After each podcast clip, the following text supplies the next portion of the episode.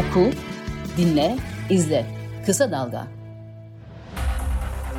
Kısa Dalga'dan ve Politikest'ten merhaba. Ayşe tatile devam ediyor. Ayşe Yıldırım yıllık izninin bir bölümünü kullandığı için bugün yine Sedat Bozkurt'a ben iş geleceğim. Sedat abi merhaba. Merhabalar. Ankara yazı bitirmek üzere siyasette yine değişim dönüşüm tartışmaları özellikle CHP ve e, HDP'de Yeşil Sol Parti'de e, bu tartışmalar devam ediyor. Son dönem HDP Yeşil Sol Parti e, her ikisinin kurumsal olarak nasıl devam edeceğini birazdan konuştuk ama bu her iki parti birlikte bir gelecek tasarlıyorlar. E, ve de bir iç tartışma sürecinden geçtiklerini söylüyorlardı. Halka inip halkı e, ve üyelerini dinleyip ona göre bir strateji belirlemek e, amacındaydılar. Ne aşamaya geldi? Şöyle haberler çıkıyor. İşte adaylığını ilan edenler, adaylık teklifi götürülenler, adaylık teklifini kabul edenler vesaire gibi. Oradaki manzarayı Sedat abi bize kısaca bir anlatır mısın? E, tabii yani biz aslında ıskalanmış bir yer orası. Çünkü e, HDP siyaseti diyorum ben. Hani Yeşil Sol Parti'ye daha e, dilimiz alışmadı ve alışsa evet. da zaten ismi değişecek. O yüzden HDP siyaseti e, diyorum. Çünkü en geniş, e, en yüksek oyu HDP olarak aldılar. İşte 13 küsür 2015 seçimlerinde. içinde muhtelif kimlikteki insanlar da var. Yani bu kimlikler politikte, etnikte, mezhepselde, dinselde böyle. O yüzden HDP siyaseti ya da HDP seçme dediğimiz zaman geniş bir seçmen kitlesinden söz ettiğimiz ortaya çıkıyor ki Yeşil Sol Parti'nin bugünkü seçmen kitlesi de o. Şimdi bu seçimler öncesinde e, kilit partiydi. Hem seçimlerin, Cumhurbaşkanlığı seçiminin kilit partisiydi hem de oluşacak parlamento aritmetiğine göre e, bir kilit parti görevi üstlenecekti. Yani HDP siyasetine Millet İttifakı'nda, Cumhur İttifakı'nda muhtelif kararlar almak için ya da anayasayı değiştirmek için ihtiyaç duyacaktı. Bu ihtiyaç aslında seçimler öncesinde de başlamıştı. Yani HDP'yi meşru zeminde ya da Yeşil Sol'u meşru zeminde görmeyen AK Parti bile anayasa değişikliği konusunda türban meselesinde e, Adalet Bakanı, Grup Başkan Vekili ve Genel Başkan Yardımcısıyla e, Türkiye Büyük Millet Meclisi'nde HDP grup yönetiminin kapısını çalmıştı. Yani bu e, seçimden sonra üstleneceği kilit görevinde en önemli işaretiydi. Hatta iktidar tarafından bunun göründüğünün de bir anlamda tespitiydi. E, böyle bir beklenti vardı. İşte milletvekili sayısı itibariyle de 80 ile 100 arası hesaplanabiliyordu. Çıkarabileceği e, milletvekili sayısı ve 80-100 milletvekiliyle siz gerçekten parlamentoda kilit olacaktınız hangi taraftan yana e, ağırlığınızı koyarsanız oraya bir kazanım elde, et, elde etmelerine katkı sağlayacaksınız. Ama bu siyasetin matematiği yoktur ama bu öngörülebilir bir şeydi. Bu olmadı. E, HDP siyaseti Yeşil Sol Parti olarak girdiği seçimlerde de amacına ulaşamadı. Yani çıtası alta düştü yani. %10 barajı olsaydı örneğin bugün bir tane Yeşil Sol Partili e, parlamentoda göremeyecektik. Ayrıca tipli de göremeyecektik yani. Evet. E, şimdi böyle bir tablo var. Şimdi bunun bir muhasebesini yapmak lazım. E, bunun muhasebesini yapamıyorsunuz. Çünkü niye? HDP siyaseti kendi e, bu öz eleştirisini yapabilecek ve bunun zemininde bir toplantı yaparak hani e, durum değerlendirmesi yapabilecek bir durumda değil. Çünkü niye? Bir taraftan devlet baskısı var üstünde bir taraftan da örgüt baskısı var. Hani örgüt baskısını direkt e, partinin üstüne, HDP'nin üstüne, Yeşil Sol üstüne gibi algılamayın. Örgütün varlığı HDP'ye yapılan bütün operasyonları meşrulaştırıyor. Bu çok ciddi bir baskı. Sadece oraya değil, bütün demokratik kitle örgütlerine ya da demokrasi yönünü hedef olarak koyan bütün siyasi yapılara bu gerekçeyle bir baskı uygulanıyor ve toplumda da bu kabul görüyor. Yani son seçimde de gördük bunu yani gerçekten bir e, terör olayının yaşanmadığı e, Türkiye'de terörle mücadeleyi dillendirerek onun propagandasını yaparak seçim kazandı AK Parti iktidar bileşenleri. MHP'nin hala yüzde onu muhafaza etmesinin kökeninde mükemmel bir m, siyasi e, vaatlerinin, siyasi tahayyüllerin bulunduğunu mu sanıyorsunuz? Hayır. İşte bir, bir iki tane kavram var. Onlar dile getirdiği zaman e, hemen e, seçmen kitlesi e, konsolide olarak gidip ona oy veriyor. E şimdi bir e, HDP siyasetine dönelim gene. Çünkü önemli yani sonuç itibariyle meşru sivil siyaseti sonuna kadar zorlayan bir yapı. Bedel ödemesine rağmen halen zorlayan bir yapı. E, bunun bir şekilde bu zemin üzerinde varlığını sürdürmesi lazım. Demokrasi güçlerinin tamamının da buna destek vermesi lazım. Bunun içinde Millet İttifakı'nın bütün bileşenleri de dahil, İyi Parti'yi de katarak söylüyorum. İyi Parti'nin de ona karşı tavrının açıklamalarının yanlış olduğunu da burada kayıt düşerim.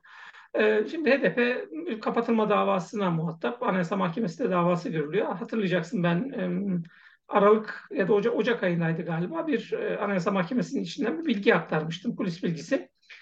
Zühtü Aslan tekrar Anayasa Mahkemesi Başkanı olursa HDP'nin kapatma davasının seçim sonrasına kalacağını söylemiştim. Kapatılmasının değil, kapatma davasının seçim sonrasına kalacağını söylemiştim. Şubat ayında Zühtü Aslan kazandı. Hem de karşısında e, sarayın e, sarayın olduğu aslında o Anayasa Mahkemesi içindeki klikler savaşıydı. Yani hiçbir savaşa şey saraya karşı bir politik pozisyon almış değildi adayların hiçbirisi. Ama e, biraz daha sarayın zorlayarak üye yaptığı isme karşı Zühtü Aslan ısrarlı bir aday olmuştu ve kazanmıştı.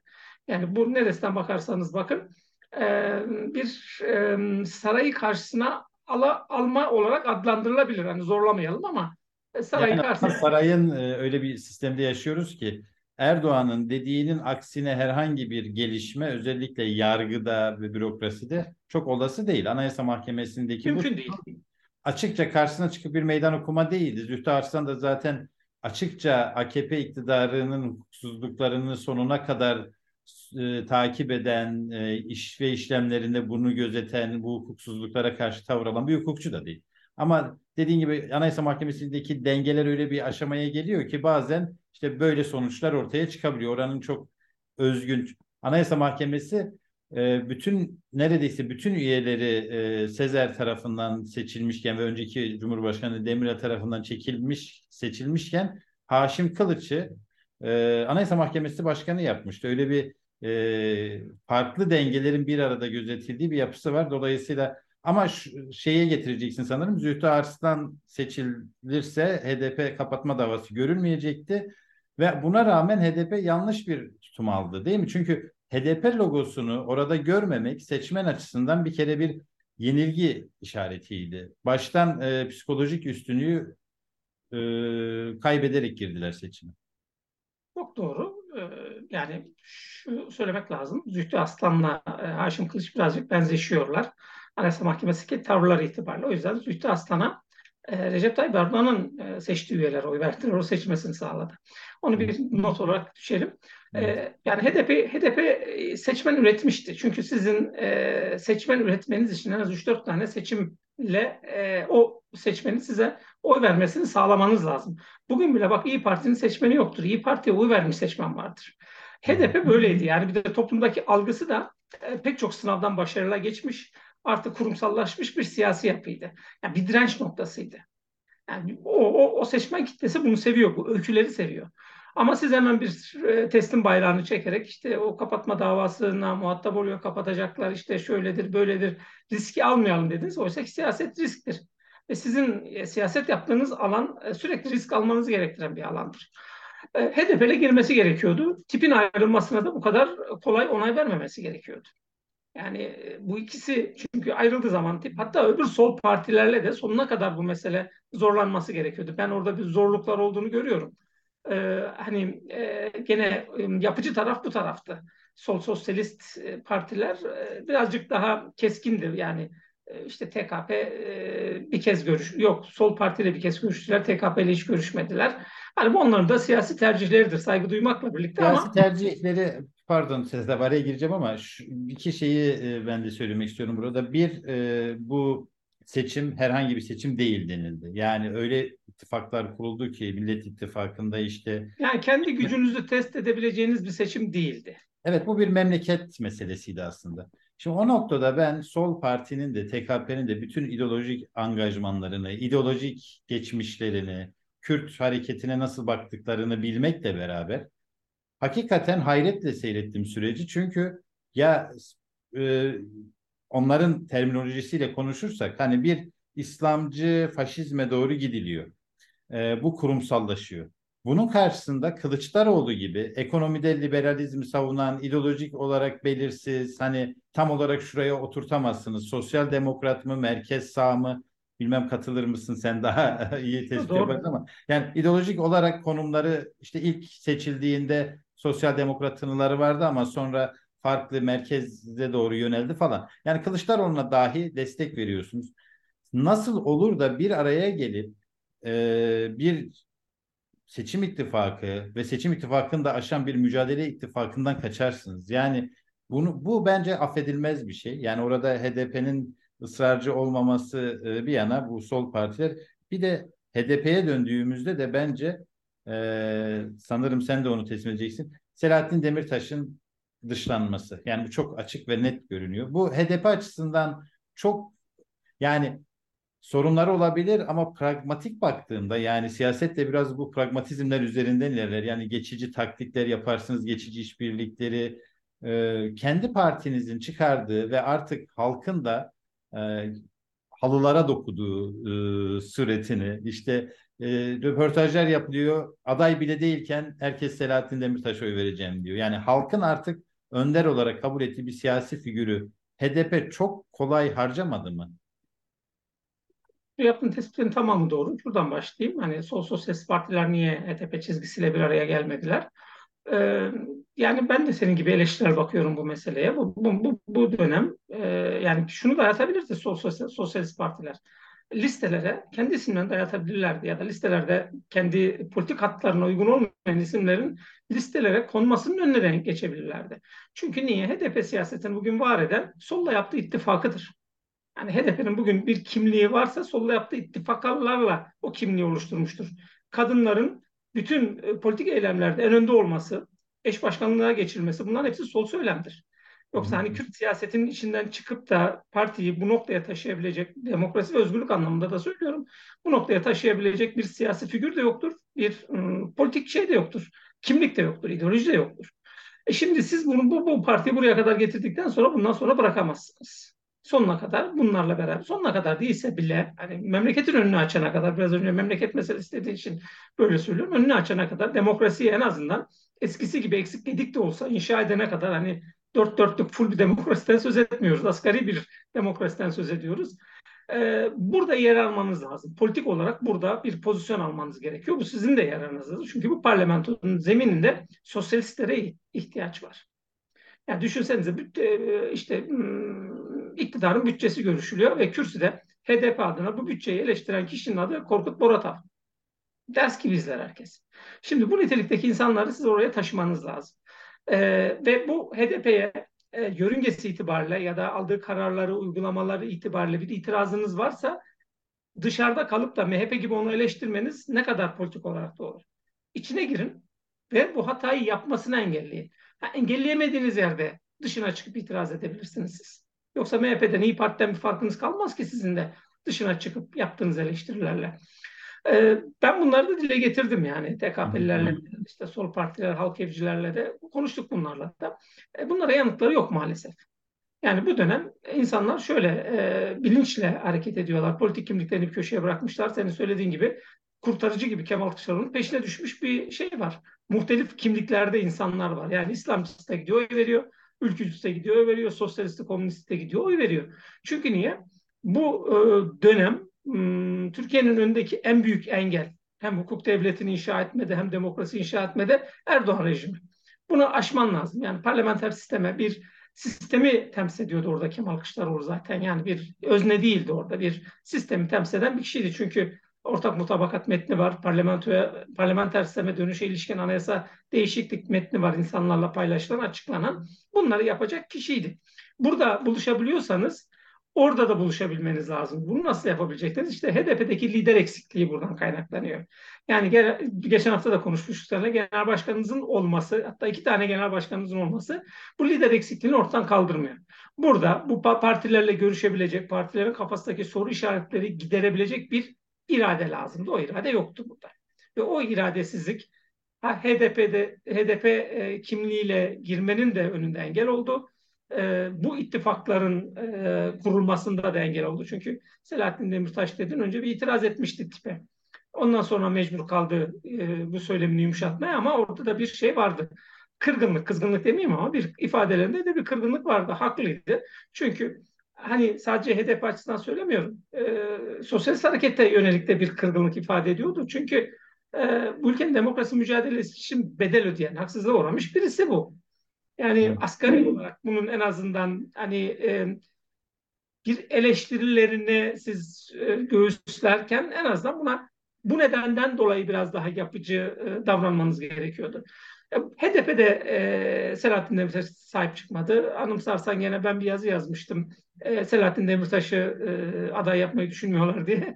Bana bilgi notu göndermişti. Ben de senden öğrendim diye ama öyleydi. Nitekim oldu evet, da orada evet. çıktı yani. Onun üzerine benim yazım üzerine HDP'liler gittiler kendisiyle konuştular. Aynen Selahattin Demirtaş'ın söylediği gibi ortaklaşarak bir karar alma yoluna gittiler. İşte ortak e, aday çıkarmadılar. E, Kemal Kılıçdaroğlu'nu desteklediler falan. E şimdi bu tarafından baktığınız zaman da böyle yönetilemeyen, e, kendi kitlesinde muhafaza etmekte zorluk çeken bir e, HDP siyaseti var önünüzde. Ve şu seçim sonuçlarını henüz layığıyla bir ım, değerlendirememiş, bir durum tespiti yapamamış, hasar tespiti yapamamış. E, ama e, bunları yapmadan, yani düşünsenize aynı şeyi CHP için de söylüyorum.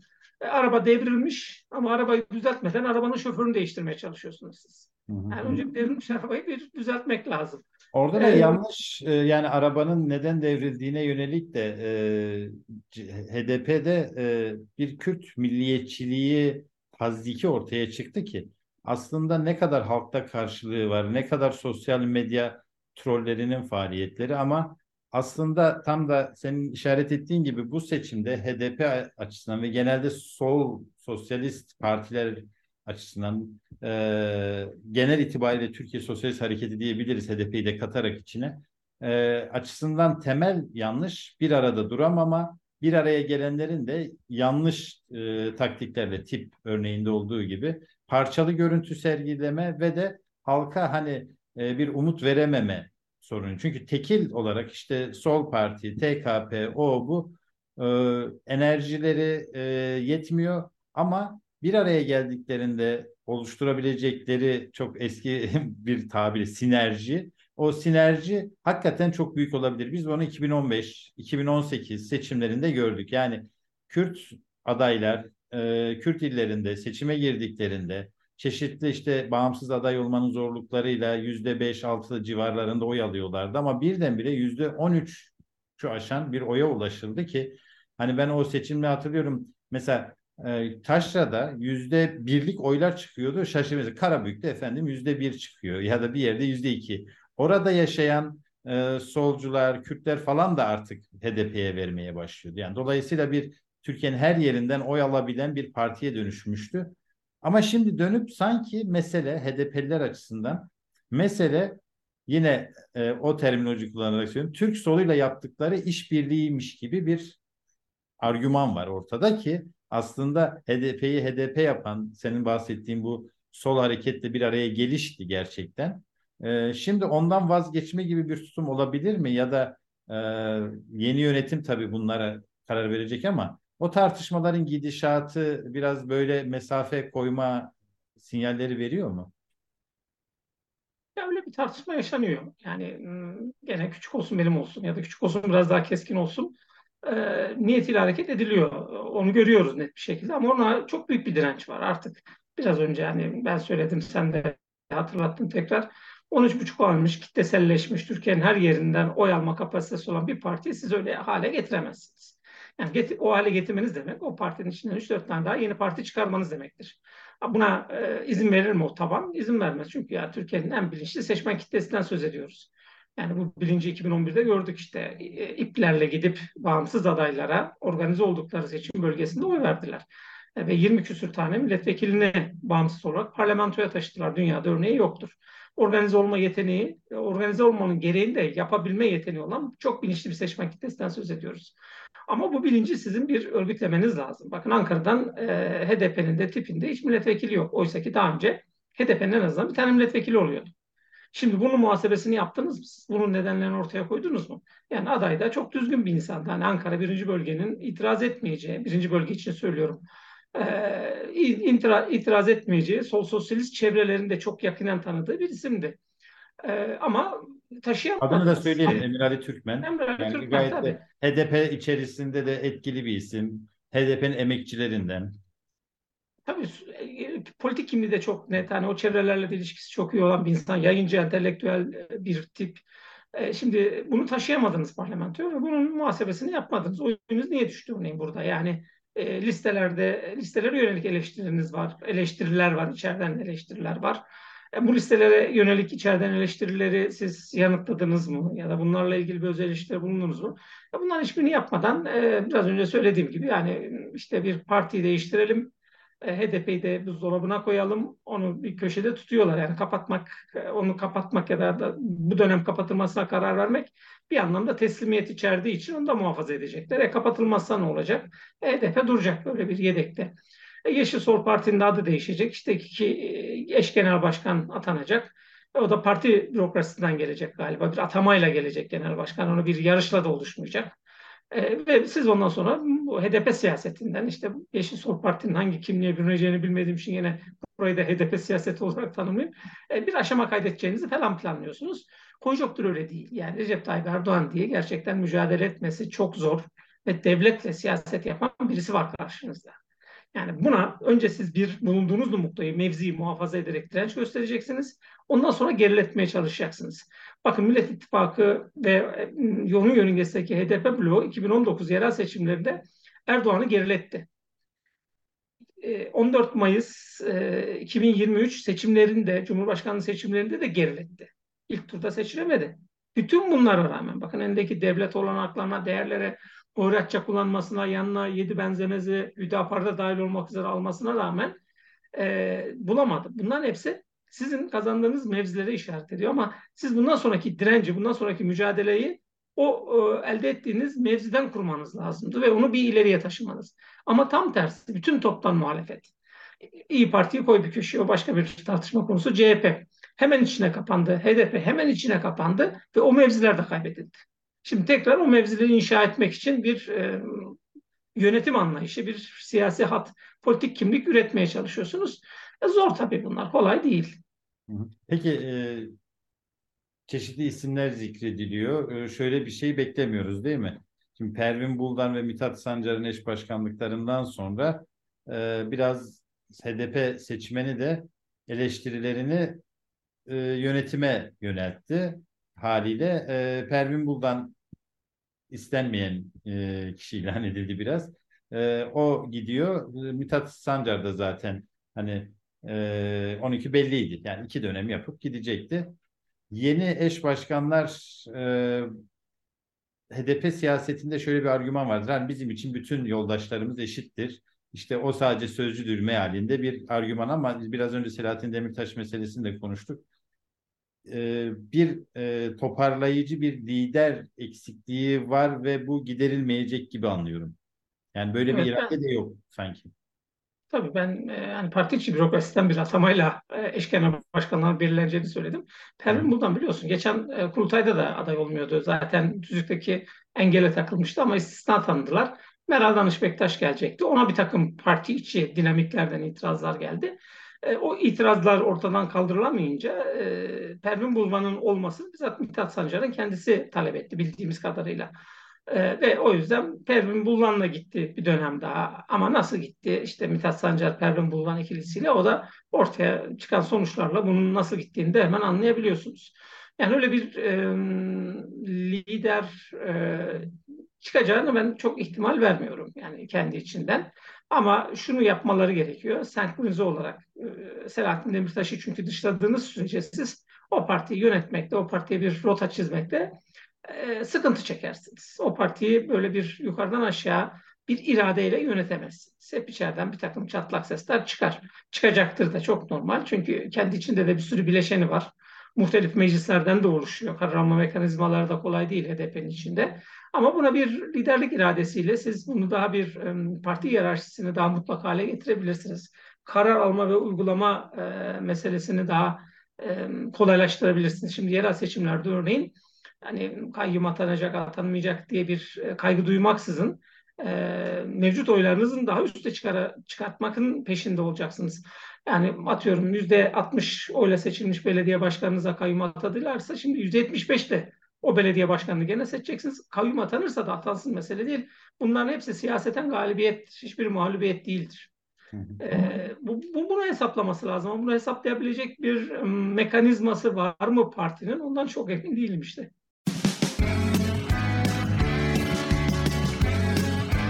Oku, Dinle, izle. Kısa Dalga. Son olarak çok az zamanımız kaldı ama bu Merkez Bankası'nın e, faiz yükseltme kararıyla birlikte bir e, ekonomi bürokrasi ve e, Mehmet Şimşek'in ekonomi yönetimi tartışılıyor. Geçtiğimiz haftalarda Mehmet Şimşek'in e, problem yaşadığı, ayrılmak istediği ve ikna edildiği gibi haberler çıkmıştı.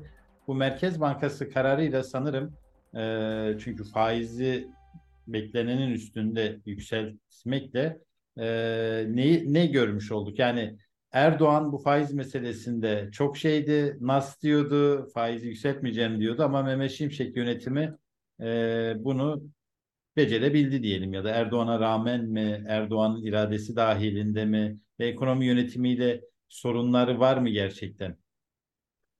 Ya yok. Yani Erdoğan siyaseti şudur. E, dünü yoktur Erdoğan siyasetinin. Dün söylenen dünde kalmıştır. Bugün söylenen de geçerli yarına kadardır. Yani yarın başka bir şey de söyleyebilir. Hiç önemli değil. Kendi kitlesi de buna çok uygun. Alışık da yani. E, ihtiyaç halinde işte nas nedeniyle faize karşı, karşı çıkılabilir. İhtiyaç halinde ben karşıyım ama bunlar faizi arttırıyor da denebilir. İhtiyaç halinde ben arttırma dedim arttırdı o yüzden görevden aldım da denebilir. Bunların hepsini üç gün içinde de yapabilir. Yani öyle uzun vadeli de düşünme yani. E şimdi ben bir kulis bilgisi yazmıştım. O zamanlar birazcık AK Parti'nin içine giriyordum. Şimdi hiç arayasım yok ondan. Hiç kulisin peşine düştüğüm de yok.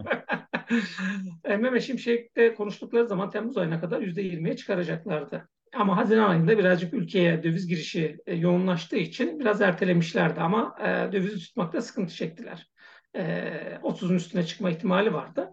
Çünkü bütün e, hesap yani Mehmet Şimşek'le e, öngördükleri, bir, bir araya gelerek belirledikleri bu planda e, yerel seçimler var. Yani Mehmet Şimşek'in eli o yüzden rahat değil ama ona da bir alan e, sağlanmış vaziyette. O alan sağlanmasaydı Mehmet Şimşek o koltuğa oturmazdı. Ekim'e kadar yüzde 40'a kadar e, şeyi var e, elinde izni var. Ekim, Kasım kadar belki de yüzde 50'ye kadar da çıkarabilirler. Çok emin değilim. O birazcık ekonominin gerçekleriyle ilgili. E, şimdi yüzde 25 ile 7,5 e, arttırmak ciddi bir arttırım. Yani bir öncekinin e, şeyiydi yapamadıkları e, ufak ufak arttırmaları gerekiyordu ama bir, bir anda 7,5 arttırdılar. Onun piyasayı bir kontrol ediyorlar. Yani dövizi biz tutabiliyor muyuz, tutamıyor muyuz diye. E, bu bunların tamamı Erdoğan'ın onayıyla yapılıyor. Erdoğan'la Mehmet Şimşek arasında şu konjonktürde en azından Kasım'a kadar ben bir gerilim beklemiyorum. Zaten gerilim olmasın diye Cevdet Yılmaz Cumhurbaşkanlığı koltuğuna otur, oturtuldu. Cevdet Yılmaz. Cumhurbaşkanlığı vekili Cumhurbaşkanı e, Cumhurbaşkanlığı dedin de yani. ha, Cumhurbaşkanı yardımcılığına. Evet. Yardımcının oturmasının nedeni buydu. Çünkü Mehmet Şimşek'le arasında bir tampon görevi yapacak. Çünkü e, Mehmet Şimşek'le Cevdet Yılmaz aynı ekipten. Tam tersi olacaktı biliyorsun. Cumhurbaşkanı yardımcılığına Mehmet Şimşek oturacak diye bekliyorlardı ama olmadı. Şimdi bu nedenle Mehmet Şimşek orada bir tampon görevi görüyor. Kolay kolay bir kriz ortaya çıkma ihtimali yok ama e, kriz potansiyeli çok fazla. E, çünkü Mehmet Şimşek sonuç itibariyle e, matematikle bakıyor ekonomiye. E, sosyal tarafıyla bakmıyor, siyasetiyle bakmıyor. Oysa ki Erdoğan siyasetiyle bakıyor. E şimdi emeklilere zam verilmemesinin e, nedeni e, Mehmet Şimşek ama e, Kasım'da, Aralık'ta e, iyi bir zam yapmak zorunda. Çünkü Mart ayında yerel seçim var. Ve yerel seçim Erdoğan'ın seçimi şöyle kazanıyor. Bu seçimde de öyle kazandı. Piyasaya para pompaladığı sürece yani teker döndüğü çorba kaynadığı sürece Erdoğan'ın seçmeni kolay kolay konsantrasyonunu bozmuyor. Yani onu konsantre ediyor bir şekilde parayı piyasaya sunarak. Ee, hani biraz ufak tefek sallantılar oluyor, sıkıntılar oluyor ama hani o boş tencere meselesi. Tencere boş olsa hükümet düşecek ama o tencere hiç boş bırakmıyor. Yani dibinde ekmekle sıyrılacak bir şey bırakıyor her zaman. Ve o seçmen kitlesinin kendisinden duygusal olarak da kopmasını engelliyor. Ee, engelliyor ama nasıl engelliyor? En son, en son seçimde %7,5 oyu düştü yani. Çok büyük bir oy oranı. E şimdi bu bunlar bu kadar somut nedenler varken ve seçim odaklı bir lider Erdoğan, seçim kazanacak algoritma neyse onu tıkır tıkır uygulama yeteneği olan, bunun için devleti de değerleri de her şeyi oyratça kullanma becerisi de olan birisi. E, Mehmet Şimşek'le karşı karşıya gelmeme ihtimali yok. Ama Mehmet Şimşek o koltuğa otururken bir e, vadesi vardı, bir e, alanı vardı. O alanı şu anda kullanıyor. Bu faiz arttırımı da o kullandığı alanın dahilindedir. Eylül'de, Ekim'deki faiz arttırımı da onların dahilindedir. Ben o zaman onlardan almıştım işte yüzde 40'a kadar Ekim ayında şey var bu işin yolu çünkü enflasyonunuz yüzde 60 olacak. Siz e, faizinizi hala %20-25'te falan e, döndüreceksiniz. Çok kolay iş değil. E, İlla ki bir yerde yani gerçeklik alanı ekonomi. E, döviz e, fiyatlarını siz belirlemiyorsunuz. Uluslararası piyasalarda belirleniyor. Hani sizin ekonomik varlığınızla da ilgili bu iş. E, dediğiniz zaman döviz istediğiniz yerde tut, tutamıyorsunuz. Bir tane serbest piyasa falan diyorsanız tutma ihtimali de zaten yok. O nedenle bir ekonomi de çok sıkıştı Erdoğan. Yoksa Mehmet Şimşek'i niye getirsin oraya? Daha önce adam kaçarak gitmişti ve arkasında da bir sürü laf etmişti. Ama Erdoğan için çok mesele değil. Erdoğan faydacı bakar. Yani bu dönem bir faydası varsa seni bile getirir nereye istiyorsan işte kültür turizm diyeyim, adalet demeyeyim bari. kültür turizm başına koyabilir. yani hiç mesele değil. Ee, şimdi Mehmet Şimşek o yüzden hani bu istifa istifa çok erken. Mehmet Şimşek açısından da çok erken. Erdoğan açısından da kriz çıkarmak için de çok erken. Ve Mart'a kadar ekonomi e, anlamında bir kriz en son isteyeceği şeydir Erdoğan'ın. Ee, bununla birazcık yol almaya çalışıyor. Birazcık daha ülkeye para akışını sağlarsa, likidite sağlarsa, Merkez Bankası'nın rezervleri çünkü üstüne koya koya gidiyor. Piyasayı da çok tutamıyor. Çünkü enflasyonu önlemek için piyasayı tutmanız lazım. Piyasayı tuttuğunuz zaman da daralma olacak, iflaslar başlayacak. İkisini bir arada götürmek de kolay değil. Bir de seçim var önünüzde. Hani seçim e, Kasım'da e, falan olsa, Ekim'de Kasım'da olsa e, Mehmet Şimşek keble gerek kalmayabilir. Seçimden sonra Mehmet Şimşek çok rahat getirir o koltuğa oturtur. Sen ne istiyorsan yap denile, denilebilir. Yani sıfır zamlı memurlar, emekliler bir yıl, iki yıl gönderilebilir. O, o sırada ekonomi değerleri toparlanır ama e, eli çok e, rahat değil. E, Mart ayında bir yerel seçim var ve yerel seçim yani ne kadar önemli Erdoğan için? Cumhurbaşkanlığına oturmuş. Hani yerel seçimi önemser mi? Önemsiyor. Çünkü en azından uluslararası ilişkiler açısından bu seçimi hani muhalefetin söylediği gibi işte devlet olanaklarıyla adaletli olmayan bir seçim sürecinde kazandığı şeyini gölgesini üstünden atmak istiyor. Yerel seçimde kazanarak gücünü uluslararası ilişkiler anlamında tahkim etmek istiyor. Bu kendi seçmeninin de buna ihtiyacı var. E, kendisinin de buna ihtiyacı var. O yüzden yani yerel seçim önemli. Güçten e, ya güç kaybetti. İşte yüzde e, 35'in altına düşen parti oyu var. Kendisi ilk turda seçilemedi. Ama e, yerel seçim Erdoğan için çok zor olması gerekirken daha önceki programlarda hem benim hem Ayşe ile söylediğin şeyi en kolay yerel seçimden birine gidiyor. E, CHP'yi konuşmadık ne güzel CHP'siz bir program. Başlık olsun. CHP'yi konuşmadan bir politika söyleşi programı yapabildik diye bir başlık atabiliriz. E, çok teşekkürler Sedat abi. E, haftaya ee, sanırım Ayşe dönmüş olacak. Ayşe ile devam e, edecek Politikes. Çok teşekkürler. Ben teşekkür ederim. Kolay gelsin. Hoşçakal.